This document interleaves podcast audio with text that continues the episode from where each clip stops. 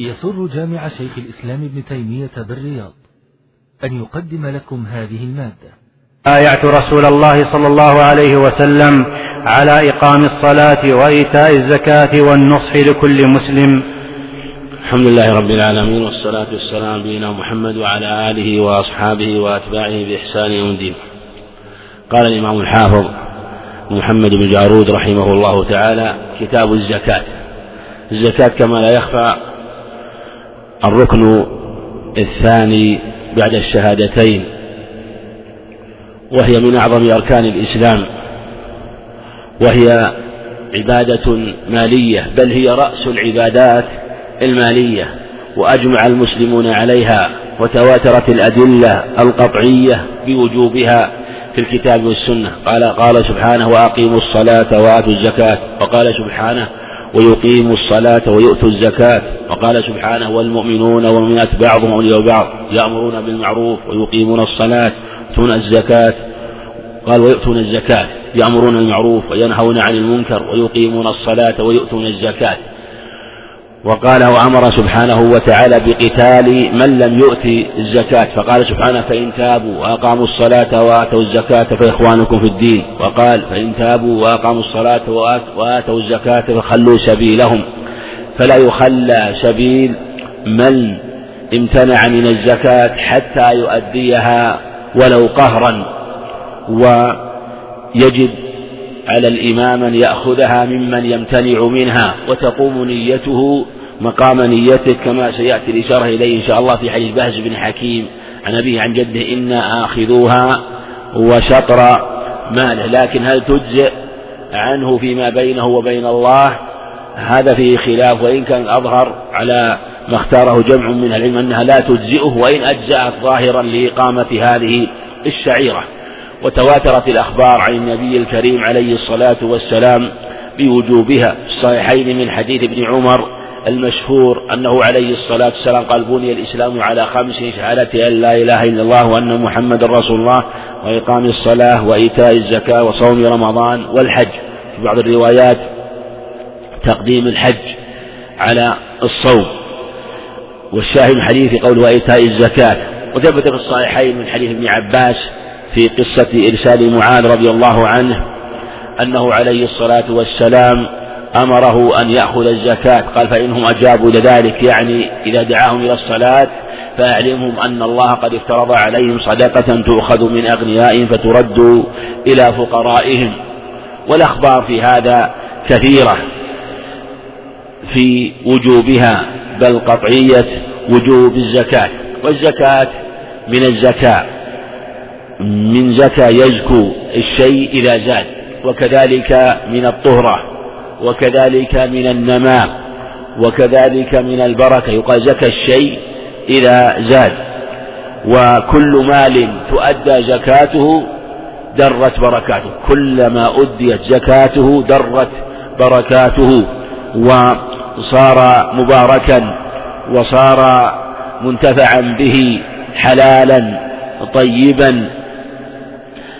فالمصنف رحمه الله افتتح كتابه بحديث جرير بن عبد الله رضي الله عنه. قال حدثنا محمود هذا ابن آدم المروزي مر مرارا وروى عن عدة أخبار وهو ثقة من شيوخ البخاري رحمه الله.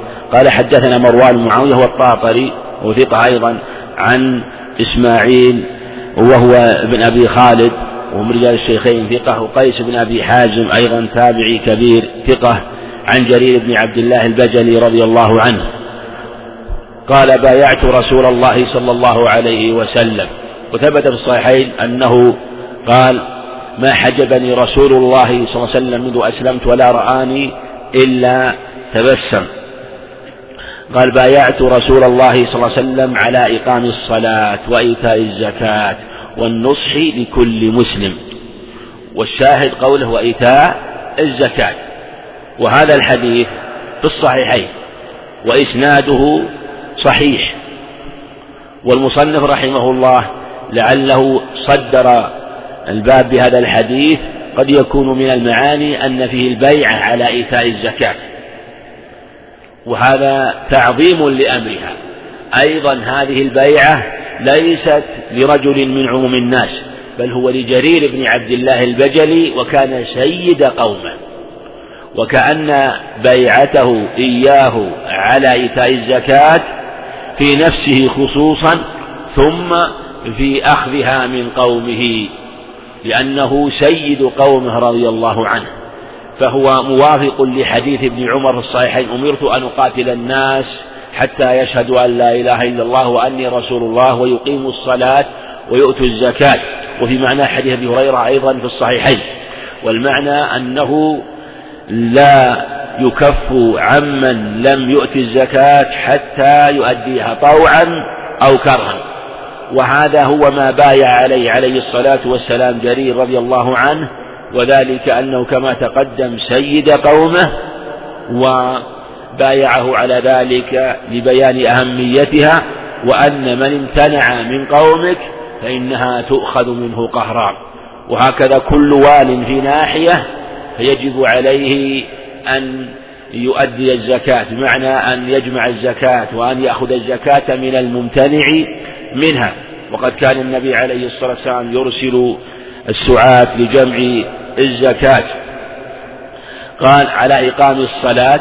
إقام الصلاة واضح بمعنى أن تقام في أوقاتها أن تقام بأركانها بواجباتها وشروطها. فالله عز وجل يأمر بإقام الصلاة لا بمجرد أدائها والإقامة أمر زائد على مجرد تأديتها.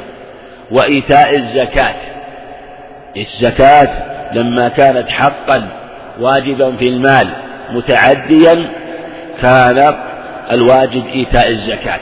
وفي هذا دلالة على أن الزكاة لا تجزئ إلا بأن يؤتيها وأن يؤديها. وعلى هذا لو كان له على إنسان دين وكان قد يئس منه فأسقطه من الزكاة مثل إنسان مثلا عليه زكاة آه، أربعين ألف ومقدارها ألف ريال ويطلب إنسان ألف ريال وقد يئس منه لفقره أو لمماطلته. هل يجزى أن يسقط عنه الألف بنية أنها زكاة خاصة إذا كان معسرا؟ لا تجزئ باتفاق أهل العلم لأن هذا في الحقيقة فيه إحياء لماله وأيضا هو مال ميؤوس منه ثم هو في الحقيقة لم يؤدي الزكاة ولم يعطها. والله عز وجل أمر بإيتاء الزكاة وهو أيضا في حكم المال الذي لا يملكه والمال الذي لا يتصرف فيه والمال الذي لا يتصرف فيه لا لا يحصل به المقصود لا يحصل به المقصود. وذلك أن الزكاة تكون في المال المنتفع به. ولهذا المال في ذمة المماطل لا زكاة فيه. فكيف يسقط الزكاة الواجبة عليه بمقدار مال يطلبه يطلبه من إنسان وقد يئس منه؟ وكذلك أيضا يفوت المعنى المعنى المقصود من الزكاة هو سد حاجة الفقير وخلة سد حاجة الفقير وسد الخلة للمعوز. هذا هو الحكمة من مشروعية الزكاة. ثم أيضا من أعظم مشروعية من أعظم المعاني في مشروعية الزكاة أنها شكر نعمة من الغني لما أنعم الله عليه بالحوائج الزائدة على حوائجه الأصلية فهو ليس كالفقير الفقير ربما لا يجد حوائجه الضرورية لا يجد حوائجه الضرورية. وأنت أيها الغني تجد الحوائج الأصلية الضرورية وتجد فوقها من الحاجيات وتجد أيضا فوقها من الأمور التي هي مستحسنة فأنت في نعمة في سعة من المال. وهذا يقتضي أن تشكر هذه النعمة بأن تؤدي المال وأن تخرج الزكاة التي أوجب الله عليك. وهذا لا يحصل في إسقاط الزكاة. ثم هو في الحقيقة أيضا إسقاط ليس إيتاء. والله عز وجل قال إنما الصدقات للفقراء والمساكين والعاملين عليها والمؤلفة قلوبهم وفي الرقاب والغارمين وفي سبيل وابن السبيل فريضة من الله فهي فريضة وأمر بإيتائها وإعطائها كل هذا لا يحصل في في إسقاط الزكاة بل هو تحايل وفرار من الزكاة. والزكاة كما تقدم رأس العبادات المالية والصلاة رأس العبادات البدنية رأس العبادات البدنية. ولهذا لم يذكر الحج والصوم. وليس كما قال بعضهم لعله سقط بعض الرواة كما يقولونه أحيانا في بعض الروايات لعله سقط. لا هذا لا يجوز أن يقال وهذا فتح باب شر عظيم. بل إن ما جاء من الأحاديث وخاصة أن جرير إسلامه متأخر رضي الله عنه فالنبي عليه الصلاة والسلام تارة يذكر بعض الأركان في مقام الدعوة إلى الله عز وجل وجرير سيد قومه فكأن الخطاب له مخاطبة ولي و آه، وكذلك صاحب ولاية بمعنى أنه يقوم على قومه بدعوتهم إلى الصلاة والزكاة كما يدعى سائر الناس إلى هذين الركنين العظيمين ولهذا قال عليه الصلاة والسلام أمرت أن أقاتل الناس حتى يشهدوا أن لا إله إلا حديث متقدم.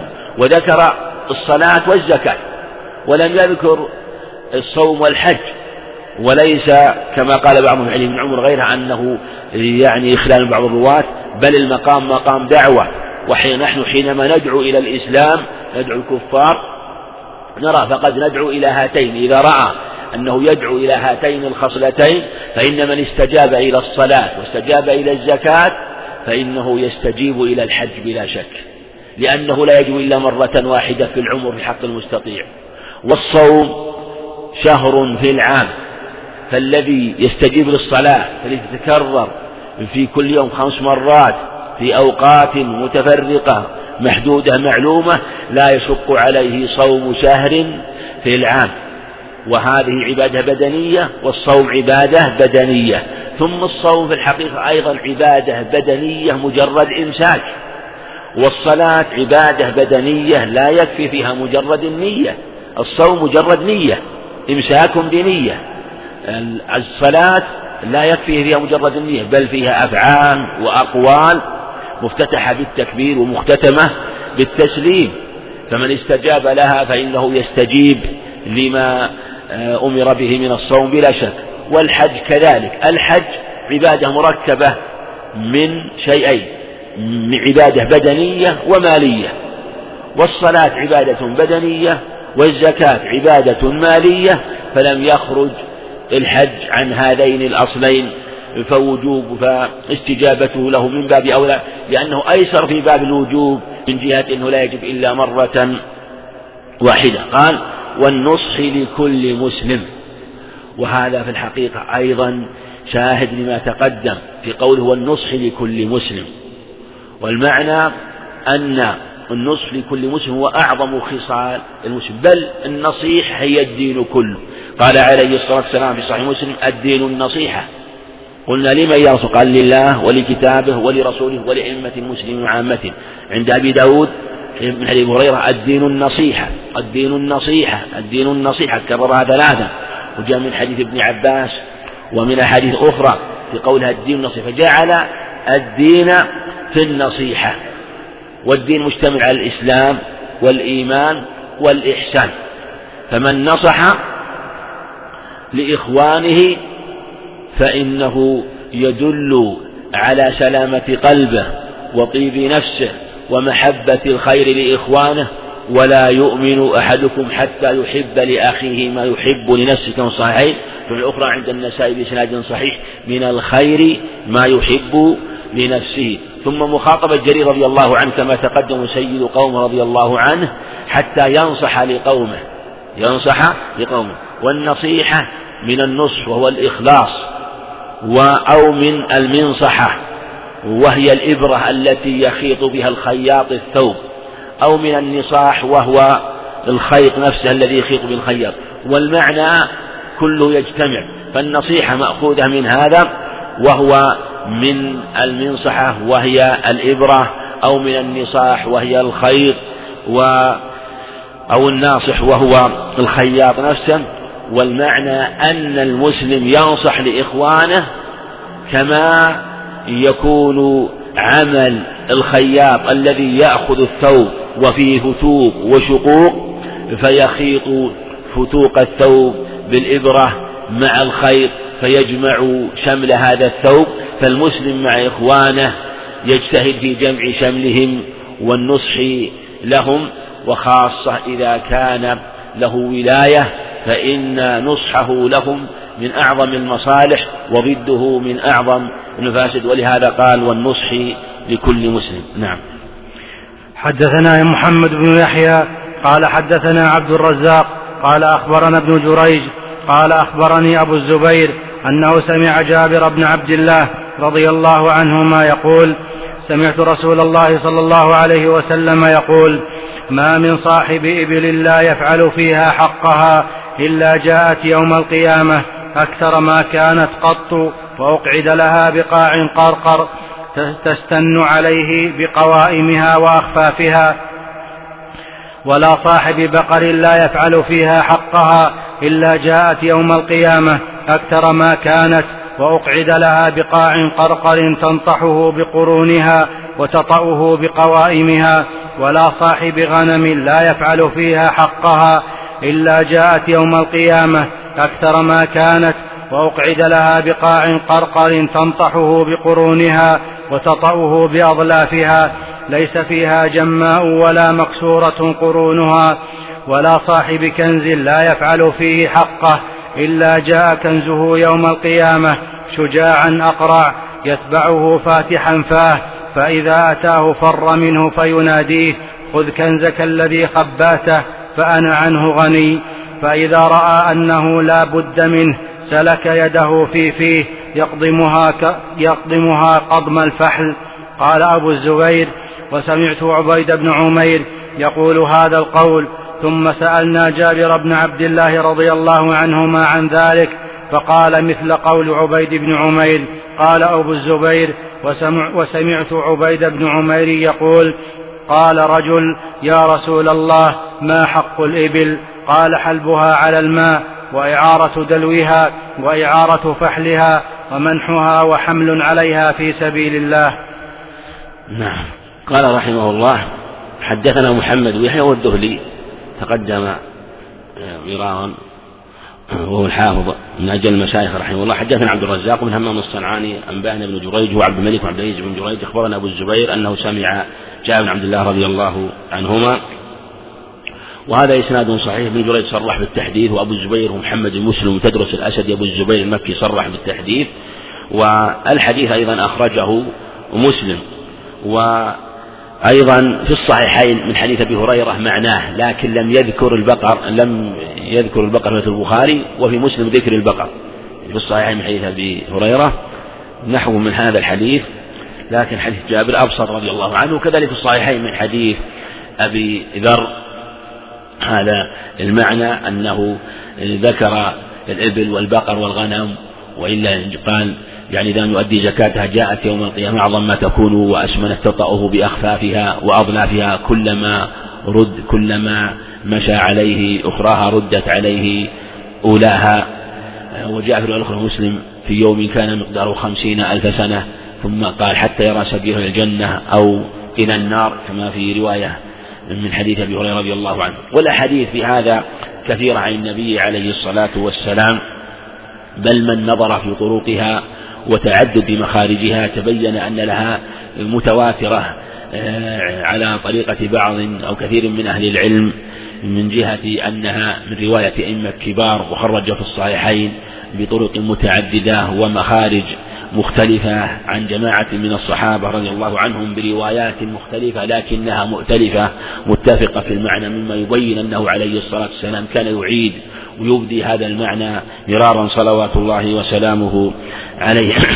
قال أنه سمع جابر بن عبد الله رضي الله عنهما يقول سمعت رسول الله صلى الله عليه وسلم يقول ما من صاحب ابن لا يفعل فيها حقها إلا جاءت يوم القيامة أكثر ما كانت قط. وفي حديث أبي ذر أعظم ما كانت وأشمله يعني أنه يؤتى بها يوم القيامة في أعظم أحوالها في الدنيا من جهة كثرة العدد ومن جهة سمنها وعظم جثتها لأن صاحب الإبل أو البقر أو الغنم ربما تكثر ماشيته وربما تقل وربما تشمن وربما يصيبها هزال.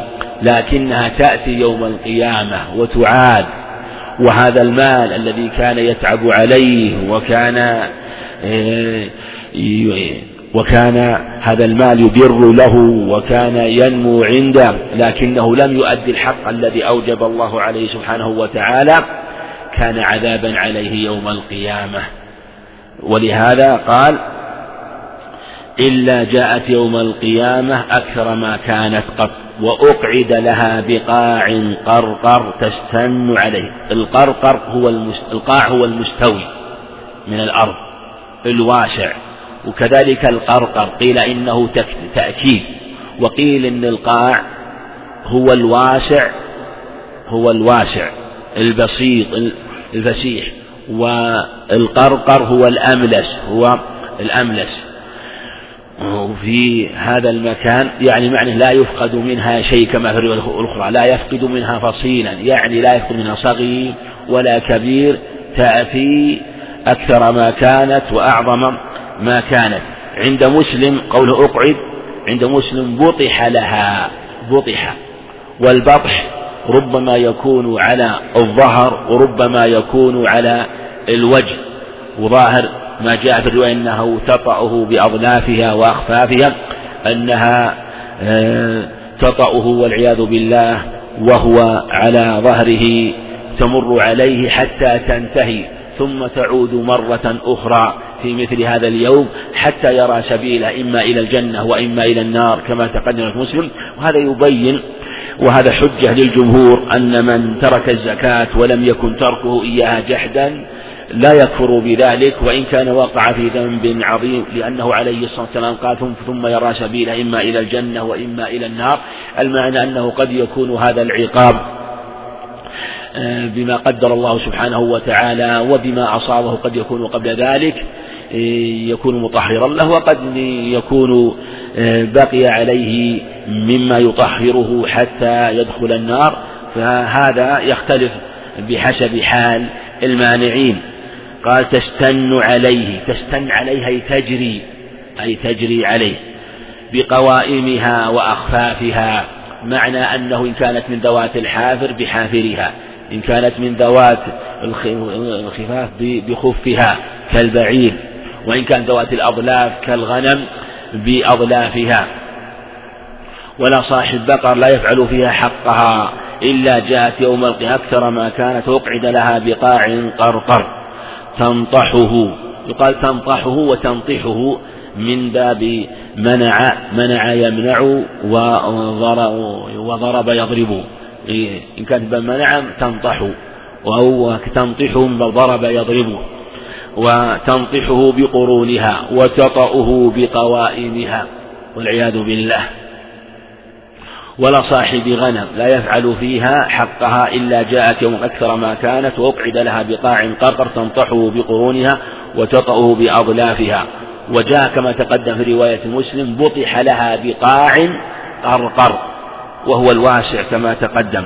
ليس فيها جماء ولهما ليس فيها عظباء ولا جلحاء ولا جم ليس فيها جلحاء ولا عظباء ولا عقصاء ولهذا قال ولا مكسورة قرونها وهي العظباء المكسورة القرون هي العظباء آه، فليس فيها عقصاء ولا جلحاء ولا عظباء يعني أنها كاملة حتى يعني قرونها تامة حتى يكون أشد لعذابه والعياذ بالله. ثم أيضا هذا العذاب في هذا الموطن في مشهد عظيم.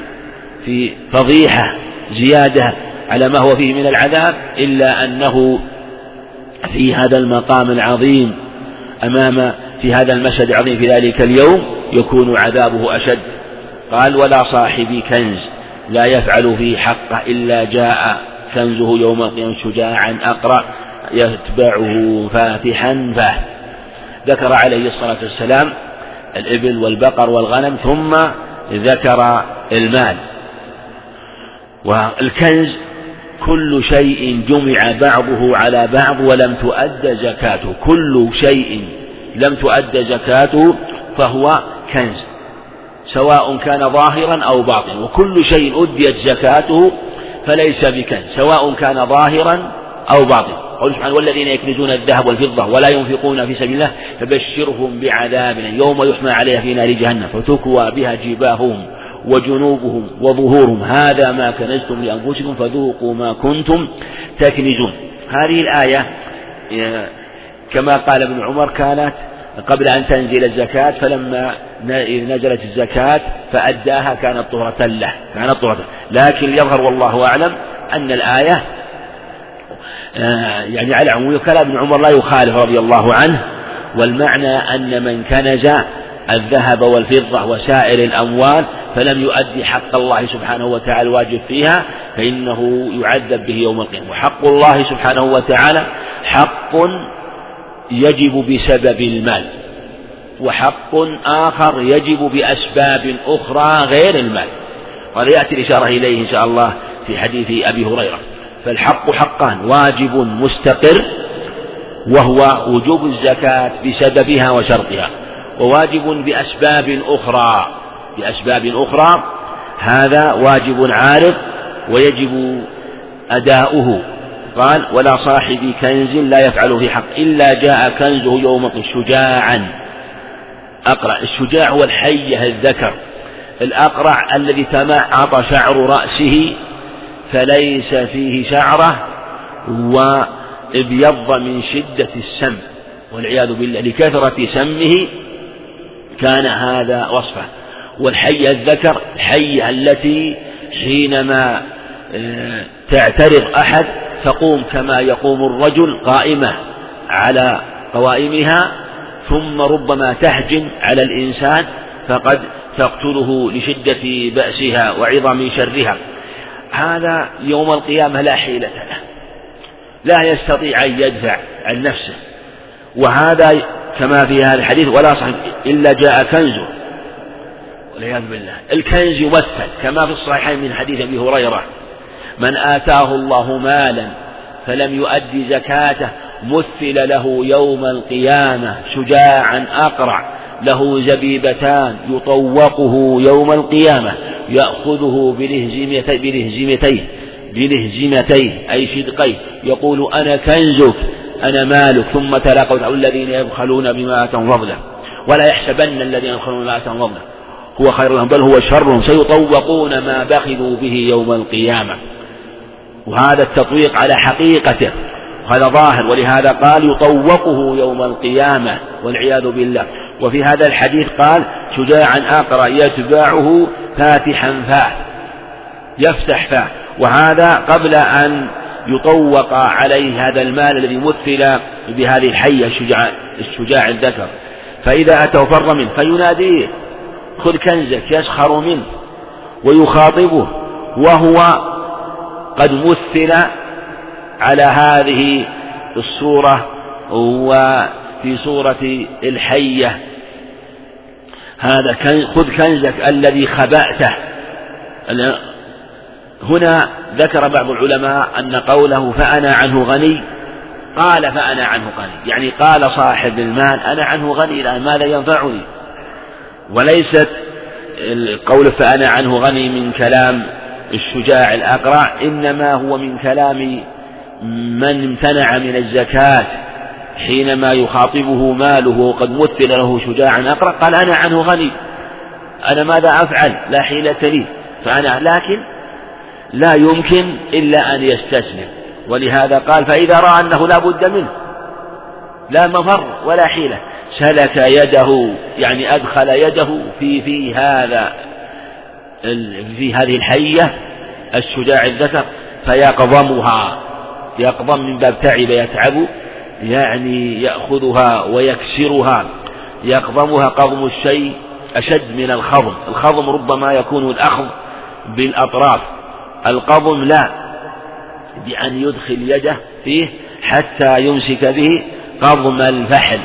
القضم هو العض الشديد. قضم الفحل. وكأنه والله أعلم أنه بعد ذلك يلتف عليه ويطوق. أنه كأنه يمسك بيده مثل ما يمسك الإنسان من يريد أن يقاتل بيد ثم إذا أمسك بيده وتمكن منه التف عليه أو ضرب به الأرض. هذا إذا أدخل يده في فرحلة طوقه يوم طوقه كما في الحديث وكما في الآية.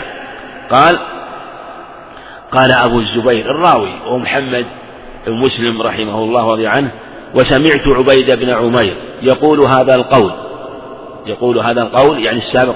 ثم سألنا جابرا جابر عبد الله رضي الله عنهما عن ذلك فقال مثل قول عبيد بن عمير. عبيد بن عمير هذا الليثي من كبار التابعين رضي الله عنه. قال أبو الزبير وسمعت عبيد بن عمير يقول قال رجل يا رسول الله ما حق الإبل يا ما حق الإبل؟ قال حلبها. حلبها قيل بفتح اللام وقيل بسكونها. حلبها. وقيل والقياس حلبها. من باب ضرب يضرب ضربا. لكن يقول النووي رحمه الله إن خلاف القياس وأن وأنه حلبها. ومنهم من قال حل حلبها على القياس. على الماء وإعارة دلوها يعني هذا من حقوقها أن تحلب على الماء لأن حلبها على الماء في مصالح عظيمة وذلك أن الإبل لها ورد على الماء يختلف بحسب الصيف والشتاء فقد ترد في يوم رابع وقد ترد في يوم ثامن يختلف فإذا وردت على الماء فإنها تحلب لأجل أن يخفف عليها في ضرعها. ويكون أدعى لأن تشرب من الماء حاجتها ولا يثقل عليها آه، إذا شربت الماء. ثم أيضا حينما تحلب ينتفع لأن الماء الذي يرده الناس يجتمعون فتتشوف نفوسهم إلى آه، الحلب الذي يحلب من النوق حلبها على الماء وإعارة دلوها إعارة الدلو.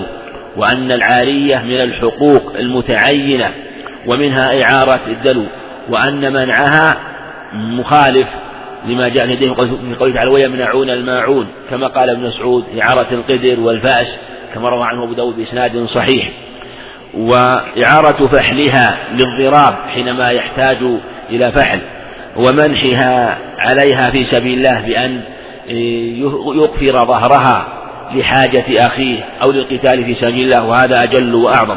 واختلف في هذه هل هي كلام عليه السلام وهنا وجاء في مسلم هكذا وأنه قال عبيد بن عمير وأن وكأن أبا الزبير تارة يجعله من كلام جابر وتارة يجعله من كلام عبيد بن عمير. يحتاج تحرير هذه الزيادة المذكورة في هذا الحديث. والحديث كما تقدم إسناده صحيح وتقدم ذكر شواهد له. نعم.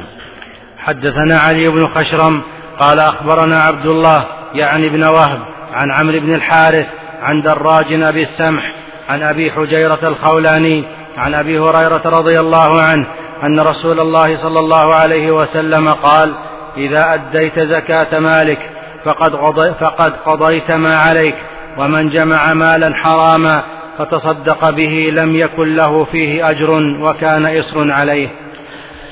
نعم. قال رحمه الله حدثنا علي بن خشرم هذا المروزي ثقة من شيوخ مسلم.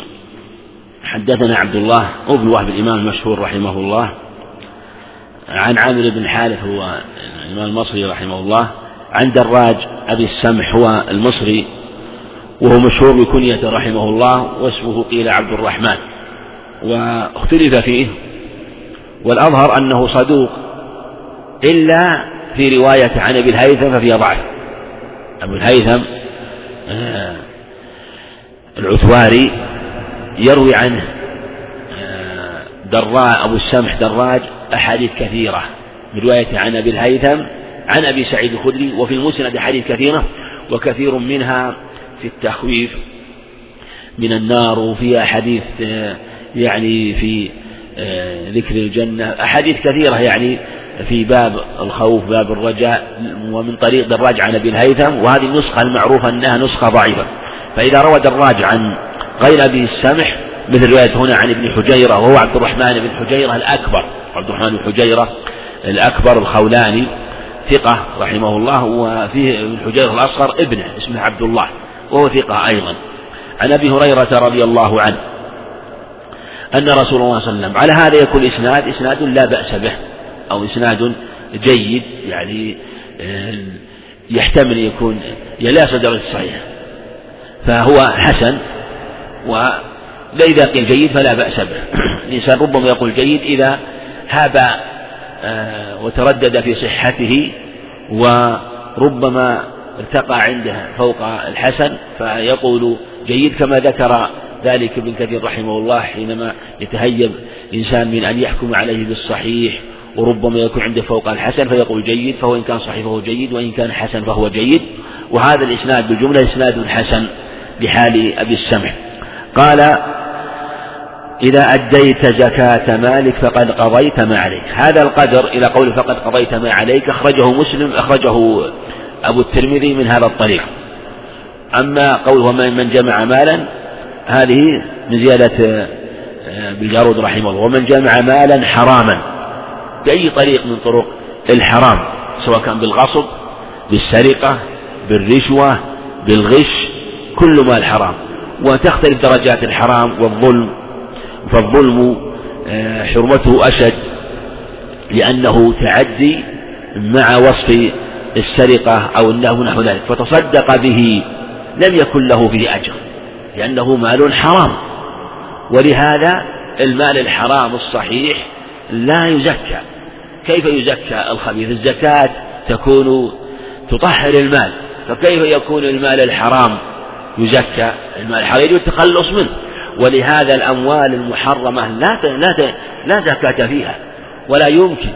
ومن ذلك الأموال التي تكون من طريق آه، التأمين المحرم أيضا. فإنها آه، هل يجب زكاتها مثل ما تعمل كثير من الشركات اليوم؟ في الحقيقة هذا موضع إشكال. هم يعني يجمعون الأموال و آه، يعني يدرون ويأتيهم أرباح عظيمة عن هذا الطريق. فمن كان منهم متأول وعمل بهذا بناء على من قال بذلك وإن كان قولا ضعيفا فيمكن يقال وهو الأقرب أن تجب عليهم الزكاة في مثل هذه الحال. لأن الم... لأنه وإن كان المعطي يعطي برضاه المعطي فإن كان أعطى برضاه من جهة أنه يعتقد الحل هذا أيضا مما آه، يقوي هذا. وإن كان آه، هذا لا يراعى فيه الخلاف الخلاف الضعيف لا يراعى في المسائل التي يكون الخلاف فيها ضعيفا. وبالجملة يظهر والله أعلم أن تجب زكاة هذا المال تجب لأنه جمع مال عظيم. وليس معنى ذلك أن يكون زكاة وطهرة للمال لا. لكن لأنه مال يدر أرباحا كثيرة ولأنه مال يعتقد أصحابه أنه مال حلال ربما يكون هذا اعتقاد كثير منهم وكثير ممن يتعامل معهم. ولا وقد يكون كثير ممن له أموال كثيرة هي في الأصل زكوات قد يدخلها في هذا في هذه الشركات ويتعامل معها ويتربح من طريقها فكيف تسقط عن هذه الزكوات حينما دخل في هذه العقود المحرمة؟ فيمكن يقال إن المال المحرم الذي يكون عن طريق الغصب والسرقة والنهب هذا هذا واضح لا زكاة فيه لأنه يجب عليه يرده إلى أصحابه وإن لم يستطع رد إلى أصحابه فيجب أن يتخلص منه بإخراجه يعني يخرج جميع المال. ليس زكاة المال. ما في زكاة. هو الواجب أن يتخلص منه إما برده إلى أصحابه. هذا هو الواجب عليه. إذا علمهم أو علم آه، ورثتهم إذا لم يتوصل إلى أصحاب إلى أصحابه أو كانوا ميتين آه، أو أنه يتخلص منه. إذا يئس منهم تخلص منه. هذا هو الصحيح. وقول الجمهور خلافا لمذهب الشافعي. لم يكن له فيه أجر وكان إصره عليه. أي ذنبه عليه قوله إذا أديت زكاة مالك فقد قضيت ما عليك. ظاهر في الحقيقة قد يكون فيه شيء من الإشكال لأنه هنالك حقوق أخرى واجبة بالإجماع. نبه عليها بعض أهل العلم وهي زكاة الفطر. زكاة الفطر واجبة. إذا أدى الزكاة ويمكن يقال إن زكاة الفطر تدخل في زكاة في هذا الحديث لكن زكاة الفطر زكاة البدن ليست زكاة مال ولهذا في دخولها إشكال. والأقرب والله أعلم يقال إن هذا الحديث قوله إذا أديت زكاة مالك هي الزكاة الواجبة بسبب المال بسبب المال. أما الواجب بأسباب أخرى هذا ليس بسبب المال فالزكاة قد تجب بسبب المال وهذه هي الزكاة المستقرة بوجود سببها وهو النصاب ووجود شرطها وتمام شرطها وهو الحول هذه زكاة مستقرة ثابتة وهناك وجوب آه وجوب مال بأسباب أخرى مثل نفقة القرابة والزوجية ومثل يعني نفقة القرابة من أولاد والنفقة على الزوجات وكذلك النفقة آه، آه، على من تجب نفقته مثلا آه، وكذلك إكرام الضيف ليلة الضيف واجبة. وكذلك أيضا في النوائب العارضة حينما يعرض أمر يحتاج فيه إلى دفع مال وإعطاء مال. فيجب أن يبذل المال يجب أن يبذل المال في ذلك. وهو حينما يحتاج المسلمون إلى شيء من المال ولم يكتفي بيت المال. في يعني بيت المال مكتوفي ولم يكن هنالك أموال. تؤخذ بغير حق فاحتيج إلى أخذ فرض شيء على عمومه فلا بأس بذلك وتدفع عدو وما أشبه ذلك. أما أن يؤخذ أموال بغير هذا السبب من ضرائب ونحوها كما سيأتينا في الحديث أن هذا لا يجوز. لكن هذه حقوق واجبة بأسباب عالية ولهذا قال أديت زكاة مالك فقد آه، أديت ما عليك. إذا أديت زكاة مالك فقد قضيت ما عليك. يعني القضاء هو الأداء. أو التمام. أتممت عليه. فقضاهن سبع سماوات أي أتمهن. أتممت ما عليك. وذكر البخاري رحمه الله قال باب ما أدي زكاته فليس بكنز. ثم هذا واضح في الحقيقة. أن من أدى زكاة ماله فلا شيء عليه. لأنه لا يجب إلا آه، لا يجب إلا زكاة المال الوجوب المستقل. وما سوى ذلك لا يجب إلا بسبب عظم ثم الله عز وجل شرع الزكاة ليطيب المال كما في حديث ابن عمر البخاري وكما كما حديث ابن عباس عند أبي داود إنما شرع الله فرض الله الزكاة يطيب أموالكم. وقال ابن عمر لما نزلت الزكاة كانت طهرة للأموال. كذلك في حديث أم سلمة عند أبي داود ولا بأس به أنها كانت تلبس أوضاحا من ذهب فقالت يا رسول أكنز هو؟ قال ما بلغ أن تؤدي زكاته فليس بكنز. يعني فليس بكنز. وجاء هذا المعنى أيضا في أخبار أخرى عنه عليه الصلاة والسلام وهذا واضح. يعني لأنه لو كان يجب بعد ذلك لم يكن أداء الزكاة مبرئا للذمة. والله عز والنبي عليه الصلاة والسلام قال بني الإسلام على خمس وقال عليه الصلاة والسلام لما ذكر أركان الإسلام قال أفلح قال لا أزيد على هذا ولا أنقص في باب الزكاة. قال أفلح إن صدق فجعل الفلاح حاصلا بأدائه لهذه الأركان الخمسة ومنها أداء الزكاة. هذا كما تقدم في الزكاة المستقرة التي تجب وجوبا ثابتا بخلاف الواجبات العارضة فهذه لها أسباب. وعلى هذا نعلم أن من القواعد المستقرة أن السنن العارضة لا تعارض السنن الثابتة. عندنا سنن ثابتة وقواعد ثابتة وعندنا سنن عارضة فالعارض لا يعارض العارض مثل آه، يعني صلاة الكسوف على القول بوجوبها مع أن الواجب والصلوات الخمس. فصلاة الكسوف على قول وجوبها وهو قول جيد اختاره جمع من أهل العلم. وما إليه التقي الدين رحمه الله. آه، لا يعارض الأحاديث الدالة على أنه لا تجب الصلاة الخمس لأن الصلاة الخمس تجب وجوبا مستقرا في اليوم والليلة. أما صلاة الكسوف فتجب وجوبا عارضا عند وجود سببه مثل ما تقدم في الواجبات المالية. نعم. حدثنا محمد بن عثمان الوراق قال حدثنا أبو أسامة قال حدثني بريد بن عبد الله بن أبي بردة عن جده أبي بردة عن أبي موسى رضي الله عنه قال دخلت على النبي صلى الله عليه وسلم أنا ورجلان من بني عمي فقال أحد الرجلين يا رسول الله أمرني على بعض ما ولاك الله. وقال الآخر مثل ذلك.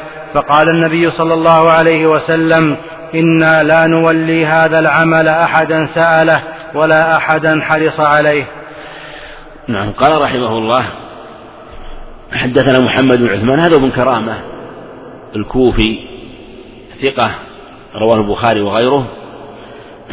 قال حدثنا أبو أسامة ومن شيوخ يروي عنه هو حماد بن أسامة ثقة مشهور رحمه قال حدثني بريد بن عبد الله ابن أبي بردة ثقة من رجال الجماعة قال عن جده أبي بردة هذا أو بردة قيل اسمه عامر ابن أبي موسى الأشعري رضي الله عنه. عن أبي موسى عبد الله بن قيس الأشعري توفي سنة 54 للهجرة رضي الله عنه.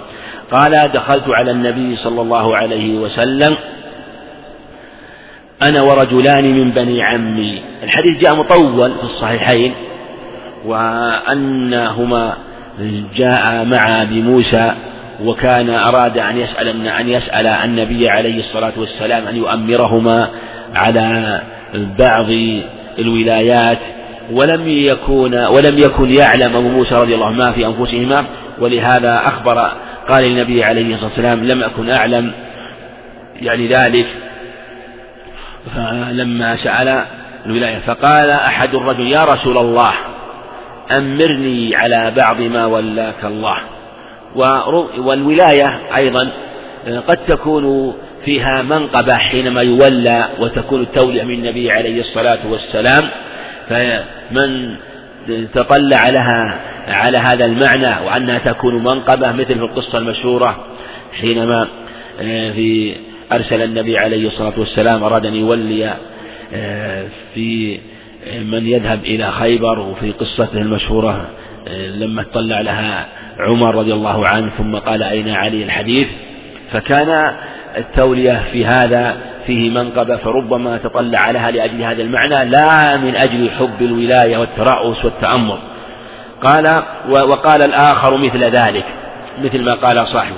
فقال النبي صلى الله عليه وسلم إنا لا نولي هذا العمل. يعني هذا العمل من الولايات سواء كان ولاية أمارة ولاية قضاء ولاية على جباية زكاة أي ولاية من الولايات حتى أيضا ولاية آه، ولايات أخرى من الولايات من سائر الولايات الدينية. هذا العمل أحدا سأله ولا أحدا حرص عليه. قال حرص وحرص. حرص عليه. وهذا الحديث متفق عليه. وهذا الحديث فيه دلالة على أنه لا ينبغي سؤاله ولهذا قال أحدا سأله ولا حرص عليه. والحرص في الغالب سابق على السؤال. فإذا كان لا يولى الحريص فالسائل أيضا من باب أولى. والحريص يكون حرصه في قلبه. وقد يقال كيف يطلع على ذلك؟ والله أعلم كأنه يطلع على ذلك من جهة إما أن يعلم ذلك بالقرائن والدلائل والتشوف إلى ذلك فإذا علم تشوفه إلى الولاية والإمارة فإنه لا يؤمر ولا يولى.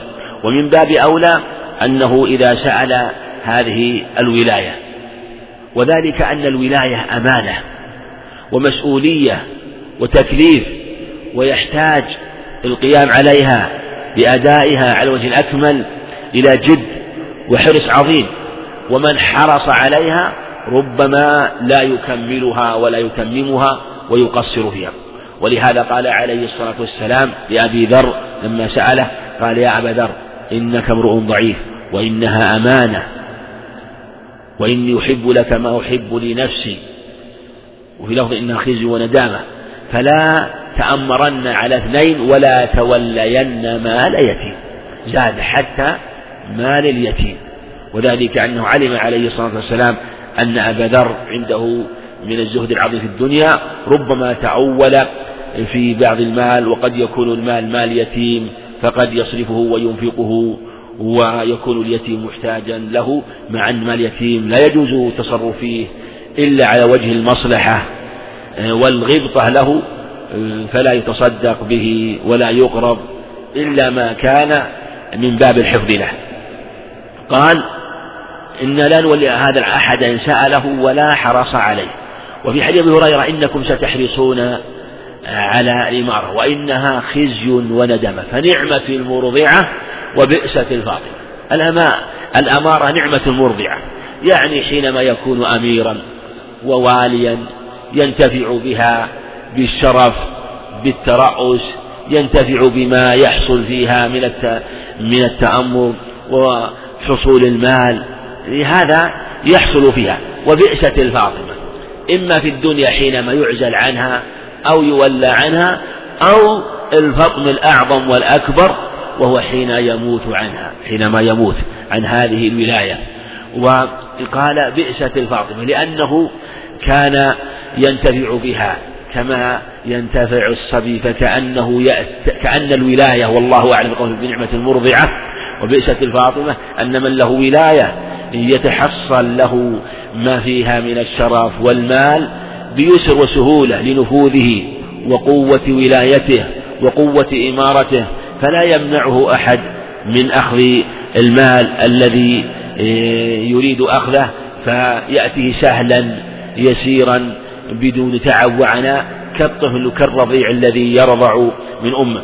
ولهذا روى البزار الطبراني عن ابن مالك من حديث عوف مالك رضي الله عنه قال حافظ إنه إسناد الصحيح أنه عليه الصلاة والسلام قال عن الولايه أولها ملامة أولها ملامة وثانيها ندامة وآخرها عذاب يوم القيامة إلا من عدل وأدى الحق الذي عليه فيها.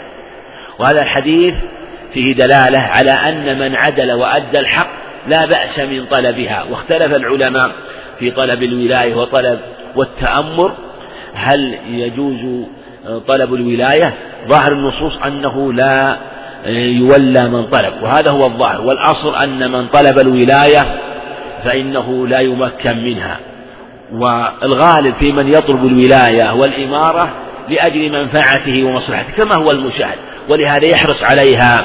بالوساطات والشفاعات ويجتهد في حصولها وأول المنتفعين بها منها هو ومن يكون من قراباته وأصحابك فالمقصود من الولاية هو أن يكون النفع عاما وأن يبذل نفعه وأن يبذل جهده آه، بالنفع المتعدي لعموم المسلمين لأن المقصود المصلحة العامة.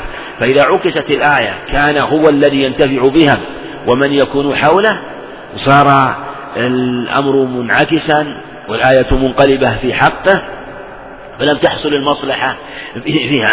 ولهذا لا يولى من سألها ومن حرص عليها إلا إذا كان طلبها طلبه إياها لأجل المصلحة العامة.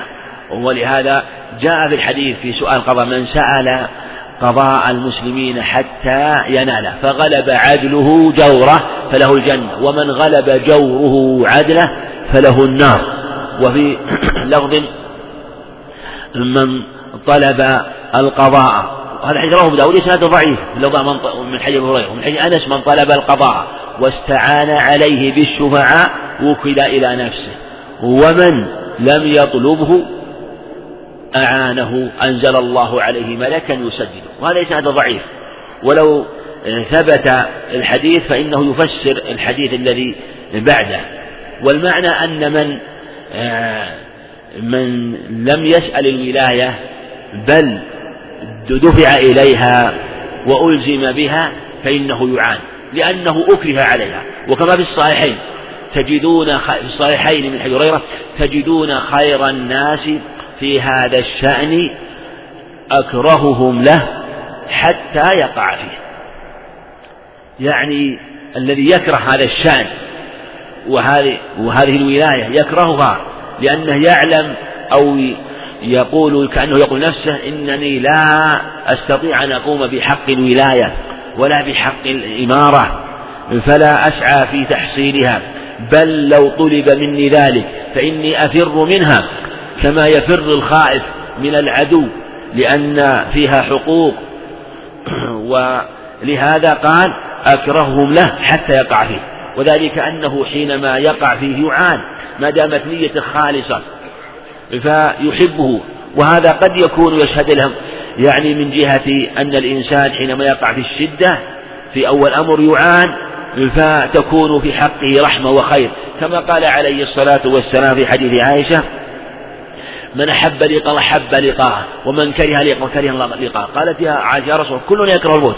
قال ليس لذلك ابن الصديق لكن المؤمن إذا نزل الموت بشر برحمة الله ورضوانه فليس شيء أحب إليه مما أمامه فأحب لقاء الله فأحب الله لقاءه. ثم ذكر في الكهف عكس ذلك بشر بسخط الله وعقابه فكره لقاء الله فكره الله فليس شيء أبغض إليه ما أمامه فكره لقاء الله فكره الله لقاءه. كذلك أيضا حينما يكره الولاية والإمارة ثم يقع فيها أو هو يلزم بها ويجبر عليها كارها لها فإنه يسدد ويشرح الله صدره وينور قلبه وينفتح له طريقها وتتيسر له أمورها. ما لا يتيسر لغيره ممن هجم عليها محبة فيما أو رغبة فيما يحصل له فيها من المال. ولهذا قال ولا أحدا حرص عليه. وفي حديث من بن العاص وحديث جيد أنه قال يا رسول الله اجعلني إمام قومي. قال أنت إمامهم واقتدي بأضعف واتخذ مؤذن لا يأخذ على أذانه أجرا.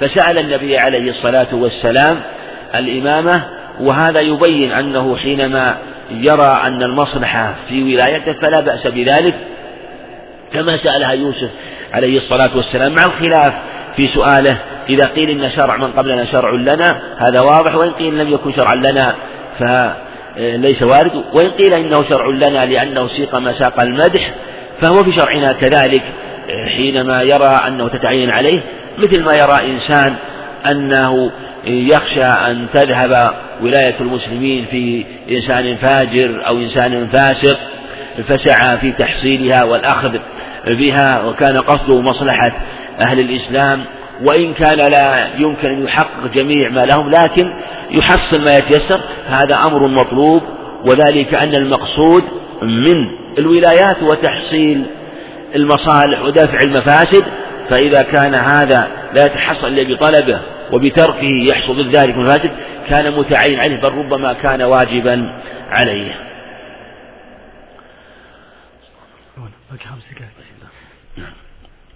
نعم. حدثنا محمد بن يحيى قال حدثنا عثمان بن عمر بن فارس قال أخبر ابن عون عن الحسن عن عبد الرحمن بن سمرة قال قال رسول الله صلى الله عليه وسلم لا تسأل الإمارة فإنك إن أعطيتها عن غير مسألة أعنت عليها وإن أعطيتها عن مسألة وكلت إليها. نعم. الحديث المتقدم لعل سبقت إشارة إلى أن إسناد الصحيح. أي يعني إسناد الصحيح وتقدم أنه في الصحيحين. أنه صحيح. حديث الرحمن بن سمرة حدثنا محمد بن يحيى والذهلي حدثنا عثمان بن عمر بن فارس العبدي ثقة إمام رحمه الله. ابن عون وعبد الله الحسن البصري عن عبد الرحمن بن سمرة العبشمي أبو سعيد من مسلمة الفتح رضي الله عنه. قال قال رسول الله صلى الله عليه وسلم لا تسأل الإمارة. الحديث الأول إن لا نولي لما سألوا. وهذا ابتداء وخطاب لعبد الرحمن بن سمر رضي الله عنه. وناداه باسمه والنبي عليه الصلاة والسلام. هنا لم يذكره باسمه لكن في الصحيحين قال يا عبد الرحمن. ناداه باسمه. والنبي عليه الصلاة والسلام كثيرا ما ينادي من يخاطب باسمه. وهذا فيه فوائد. حتى يستحضر ما يقال. أيضا يعلم أن هذا الكلام كلام خص به.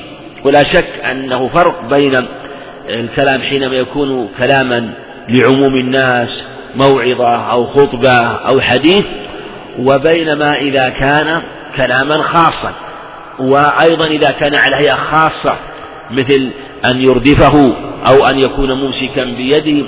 مثل حديث ابن عباس لما قال لما كان مع النبي عليه الصلاة والسلام وكان ردف له حديث قصة معاذ. كنت ردف النبي عليه الصلاة والسلام فقال يا معاذ.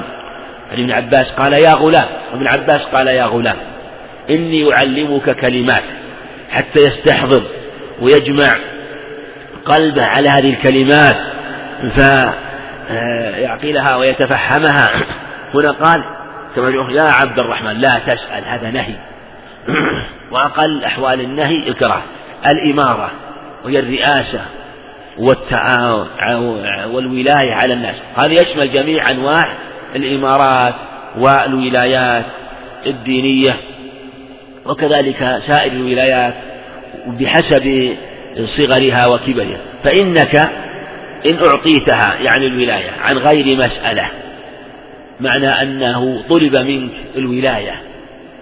وهذا يبين أنه إن طلبت منه لا يلزمه أن يرفض أو أن يعني يبدي عدم الرضا أو الكراهية بل شرط الإعانة وشرط التوفيق للولاية هو أنه لا يسألها لكن بشرط أن لا يكون حريصا.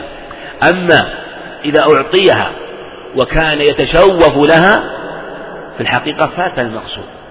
ولهذا قال عليه الصلاة والسلام كما الصحيحين ما أتاك من هذا المال وأنت غير سائل ولا مشرك. هو معنى هذا الحديث. هذا يبين أيضا أن السؤال في أمور المال أو أمور الشرف. الشرف يحصل المال في الولايات. المال يعني قد يحصل معه وقد لا يحصل معه قد تحصل مع الولاية فإذا كان في المال نهى النبي عليه الصلاة والسلام قال ما أتاك من وأنت غير سائل ولا مشرك. ما أتاك. يعني هو لم يسأله. فإذا كان أعطي مالا هو قد تشرف.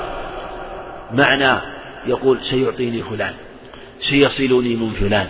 فنفسه حريصة نفسه متشوفة عليه.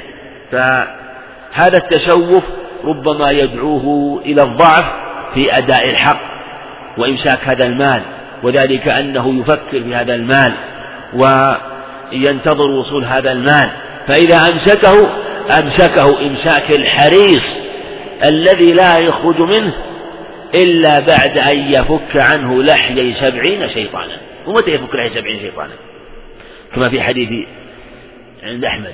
ما يخرج أحد من الصدقة هل إذا كان في يده؟ ربما يكون كسبه عن طريق العشرة فكيف إذا أتاه سهلا؟ ربما يكون أشد من جهة تشوفه قال حتى ما يخرج عن حتى يفك عن لحية سبعين شيطانا. نعم.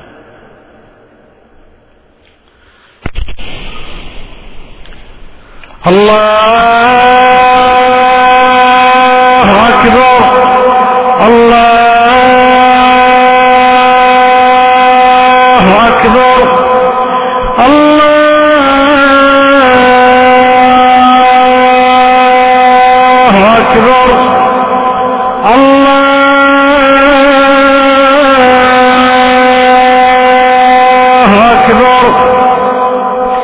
أشهد أن لا إله إلا الله. أشهد أن لا إله إلا الله. أشهد أن محمد رسول الله. أشهد أن محمد رسول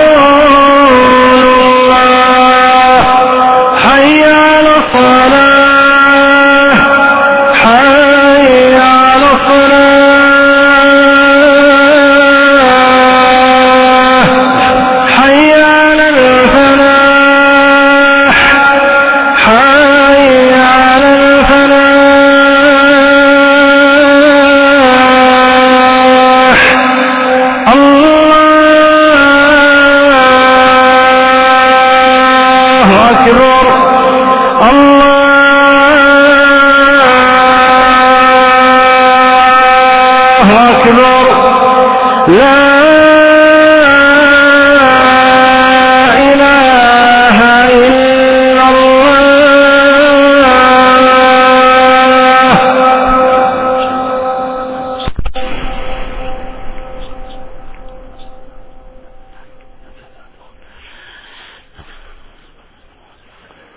الحمد لله رب العالمين. كما تقدم أنه إذا كان من تشوف للمال وحرص عليه بدون سؤال كان تركه أولى فالإمارة من باب أولى أنه إذا تشوف لها وحرص عليها فمن أعطيها وكان غير سائل ولا متشوف ولا حريص عليها فهذا يعان عليها.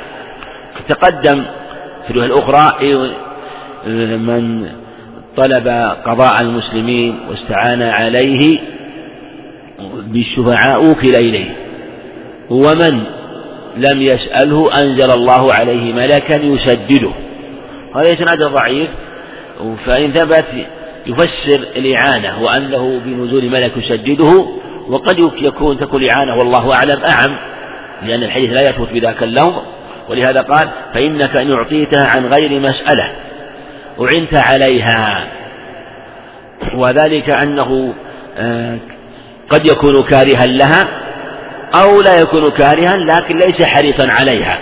فلما جاءت وطلبت منه رأى أنها متعينة وذلك أنه حينما تطلب من هذه الولاية ويكون الذي طلب هذه الولاية منه و آه، وجعله هذه الولاية قاصدا مصالح المسلمين. ليس المقصود مجرد أن يولى عليها آه، بدون النظر إلى المصلحة لا. فلا يجوز تولية إلا الأصلح هذا محل إجماع محل إجماع. فلو كان بل يقول العلماء لو وجد صالح أصلح. فلا يجوز تولية الصالح دون الأصلح. يعني إنسان صالح لهذه الولاية يقوم بها بحقوقها يحسن القيام عليها. وعندنا من هو أصلح وأكفى. فلا يجوز تولية الصالح مع وجود الأصلح. لأن الله عز وجل إذا كان قال في مال اليتيم ولا تقربوا مال اليتيم إلا بالتي أحسن مال اليتيم وهو مال يتيم. لا شك يجب العناية به. وفرد من أفراد المسلمين.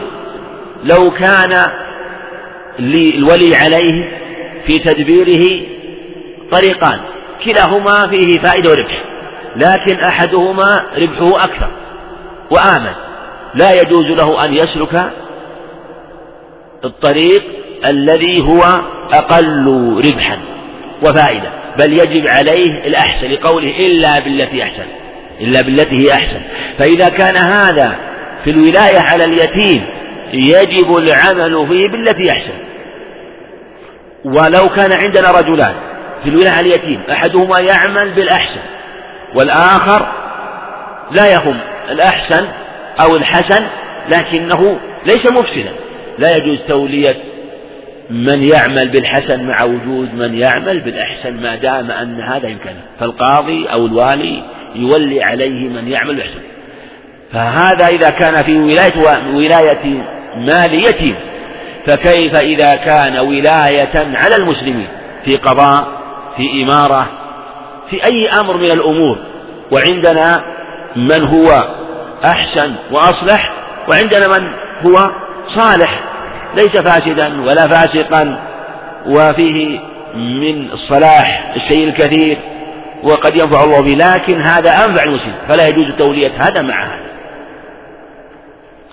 وعلى هذا يتبين ما سبق أن قوله أعطيتها من عن غير مسألة هذا إذا كان أهلا لها. أما لو كان يعلم ليس أهل وأن توليته لهذه الولاية مجرد أنه يعني لنهوضه لقرابته لأسباب أخرى جعلته يأخذ هذه الولاية. فهو بحق نفسه لا يجوز له ذلك. لا يجوز له ذلك لأنه يعلم أن غيره أكفى أن غيره أكفى. وهذا آه، من عظم عناية الإسلام في تحقيق مصالح المسلمين الدينية والدنيوية ولم يحصل النقص على أهل الإسلام إلا بسبب ضياع الولايات بأن لا يولى الأكفى والأحسن.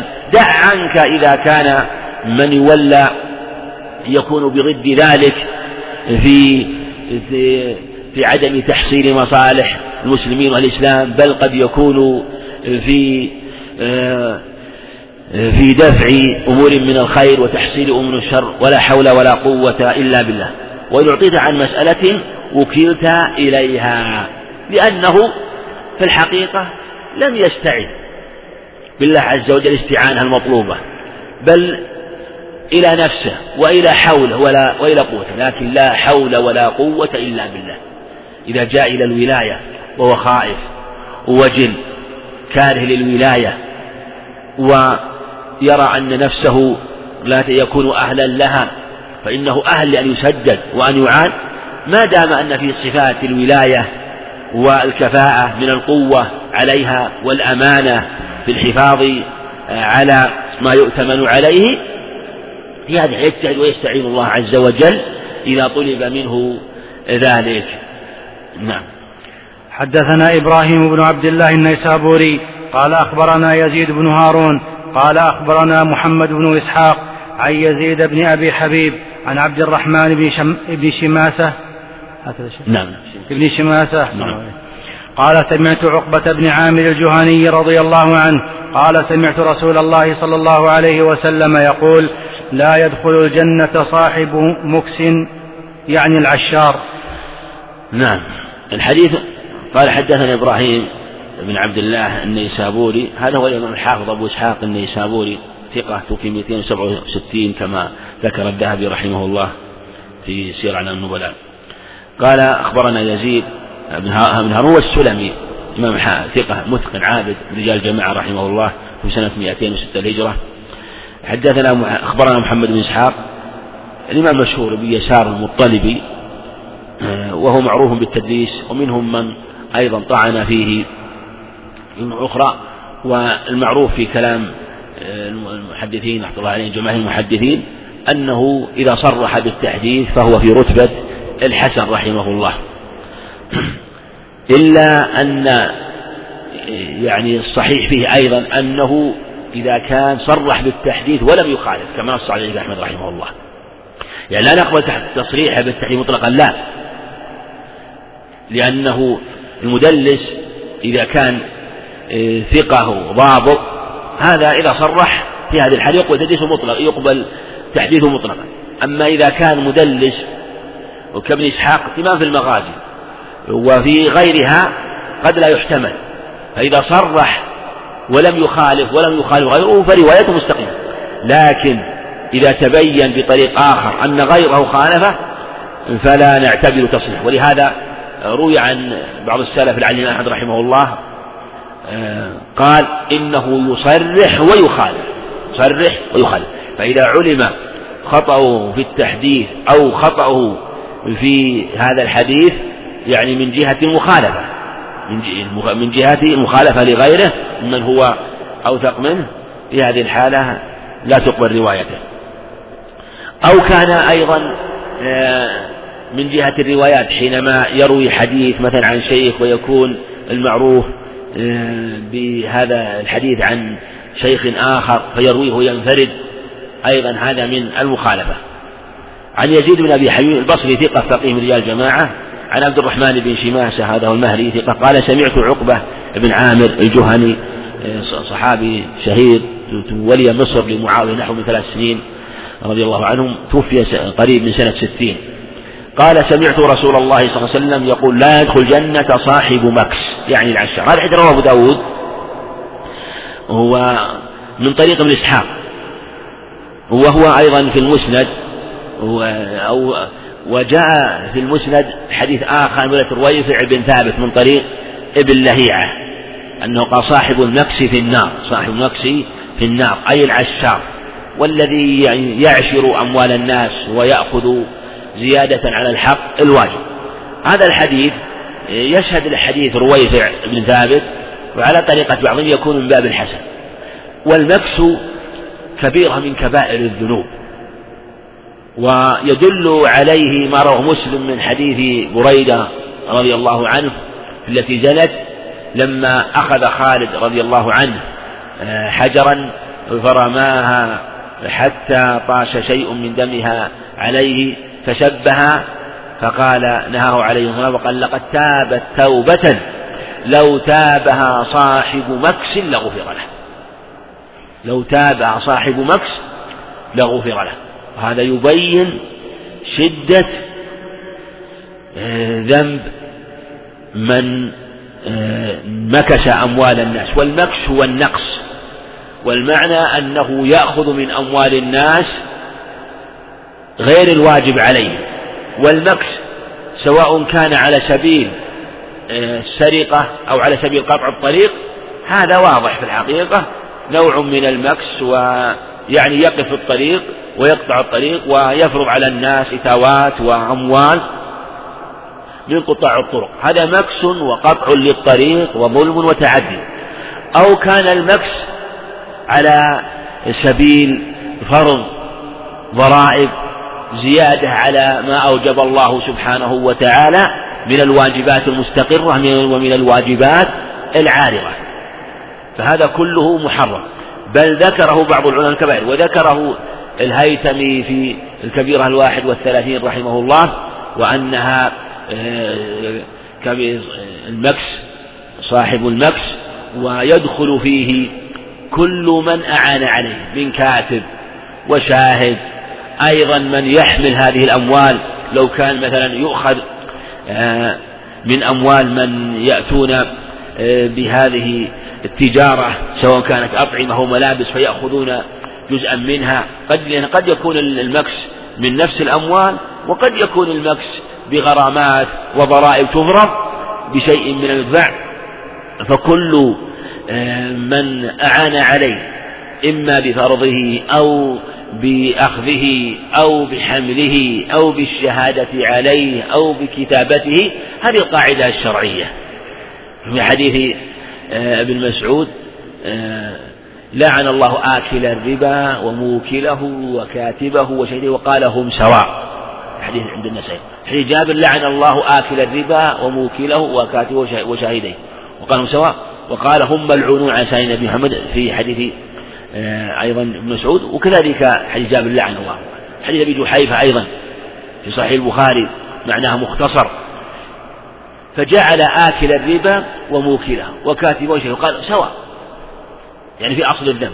كذلك في الخمر حديث ابن عمر حديث ابن عباس حديث ناس لعن الله الخمر وشاربها وعاصرها ومعتصرها وحاملها والمحمولة إليه وبائعها ومبتاعها وآكل ثمنها.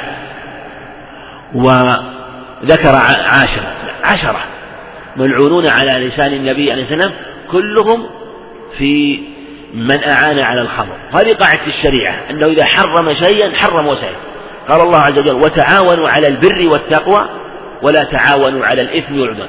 فكل ذريعة قريبة شرط أن تكون قريبة أما الذرائع البعيدة فلا تدخل إنما الذرائع المفضية. أما التي يبعد فلا تدخل. مثل بيع العنب قد يتخذ الخمر فلا نهى عن بيع العنب. لو أن إنسان يبيع في سوق الناس العام ويدخل عموم الناس وربما يكون فيهم من يأخذه للخمر يعصر خمرا هذا يقع. لا نقول إنك تمنع من بيع آه، آه، بيع العنب. إلا إذا علم أن فلان من الناس أو فلانه من الناس يغلب على الظن أن يستعمله محرم في هذه الحالة يكون ذريعة قريبة. ذريعة قريبة. فالذرائع القريبة هذا حكمها كما تقدم. ولهذا قال في هذا الحديث لا يدخل الجنة صاحب مكسب هذا وعيد شديد. وهذا النفي على ظاهره. مثل لا يدخل الجنة قاطع رحم. صحيح الوقي لا يدخل الجنة قتال. صحيح حذيفة رضي الله عنه. غير ذلك من حديث. لا يدخل الجنة حديث مسعود صحيح مسلم لا يدخل الجنة من في قلب مثقال ذرة من كبر. لا يدخل الجنة على ظاهره. ونقول لا ي... كما قال السنة لا يدخل الجنة من في قلب مثقال ذرة من كبر. لا يدخل الجنة صاحب نفس لا يدخل الجنة إلا المطهرون إلا المنقون. أما المتلوثون هؤلاء إما أن يعفو الله عنهم سبحانه وتعالى بالشفاعة ولهذا الشفاعة للخطائين المتلوثين في بعض الروايات شفاعة إليك من أمتي.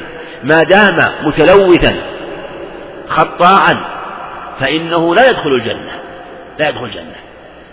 فإما أن يطهر بالنار وإما أن يعفو الله عنه سبحانه وتعالى فيطهر بذلك فيدخل الجنة فيزول عنه هذا الوصف. كذلك آه، من كان في قلبه مثل وهذا هو التأويل التفسير الصحيح في مثل هذه الأخبار لا يدخل الجنة. هذا واقع. والمعنى أنه إما أن يطهر فيدخل النار حتى يزال خبثه ورجسه ونجسه فيكون طيبا طاهرا فيدخل الجنة فهي للطيبين وللطيبات فيدخل. أما على هذه الحال كذلك. كذلك ما دام على هذا الوصف لأن من مات وهو قتات يبعث وهو قتات من مات نمان يبعث وهو نمان. من مات وهو متكبر يبعث متكبر. في صحيح مسلم جابر يبعث كل عبد على مات عليه فهو حينما يكون يوم القيامة يبعث على حالة مات عليها ما لم يتب. فإذا أراد الله سبحانه وتعالى دخوله الجنة طهره. فيدخل الجنة ليس ناقص. كذلك صاحب النفس إذا مات على هذه الكبيرة يبعث يوم القيامة بهذه النية وهو مكاش عشار. فلا يدخل الجنة ما دام على هذا الوصف فإما أن يعفى عنه ويتابع عليه وإما أن يطهر بأن يدخل النار فيزول رجسه وخبره ثم يدخل الجنة فيكون طيبا طاهرا فيدخل. وعلى هذا لا إشكال في مثل هذا الحديث التي يكون فيها النفي. وهذا هو الصحيح والطريق السليم في مثل هذا النفي وهذا هو الواجب في الأدلة. ولهذا من سلك هذا المسلك في سواء في أحاديث التوحيد والعقيدة أو في أحاديث الأحكام اضطردت أقواله وسلمت له ولم تضطرب وصار قوله متوائم ومتوافق مع سائر الأخبار. أما من أول فإنه ترد عليه أخبار ولهذا يضطرب قوله تارة يخصص تارة يقيد بغير دليل من تخصيص أو تقييد. وهذا من هذا كما تقدم. والمكس كما تقدم كبيرة عظيمة وفيه مفاسد. وليظهر والله أعلم أيضا أن سبب شدة ذم المكس أشار إليه النووي رحمه الله في صحيح مسلم في كلام عظيم. ذكر ما معناه في كلام مختصر أن المكاس يتكرر منه المكس في الغالب لأنه يحلو له ويطيب لأن يأخذ المال بالقوة والقهر. أيضا المكس آه، يكون فيه ظلم ظلم متعدي. أيضا ربما أنه آه، تزين له نفسه هذا الشيء وكأنه يحل له. أيضا المكس في الغالب يكون عام ما يكون لإنسان قد يكون يسر من الإنسان يظلم إنسان لكن المكاس العشار يكون لعوم الناس. مثل ما يأخذ من أموال الناس ويعشر فيتعدد خصماؤه وتكثر آه، ظلامات ظلامات في حقه وتكون كثيرة.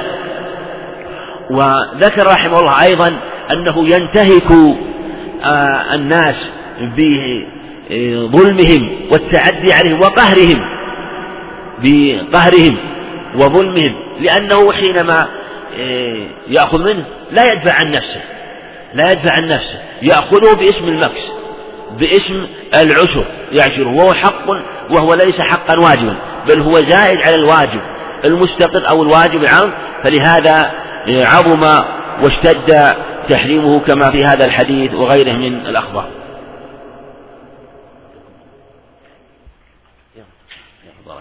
والله أعلم وصلى الله وسلم وبارك على نبينا محمد.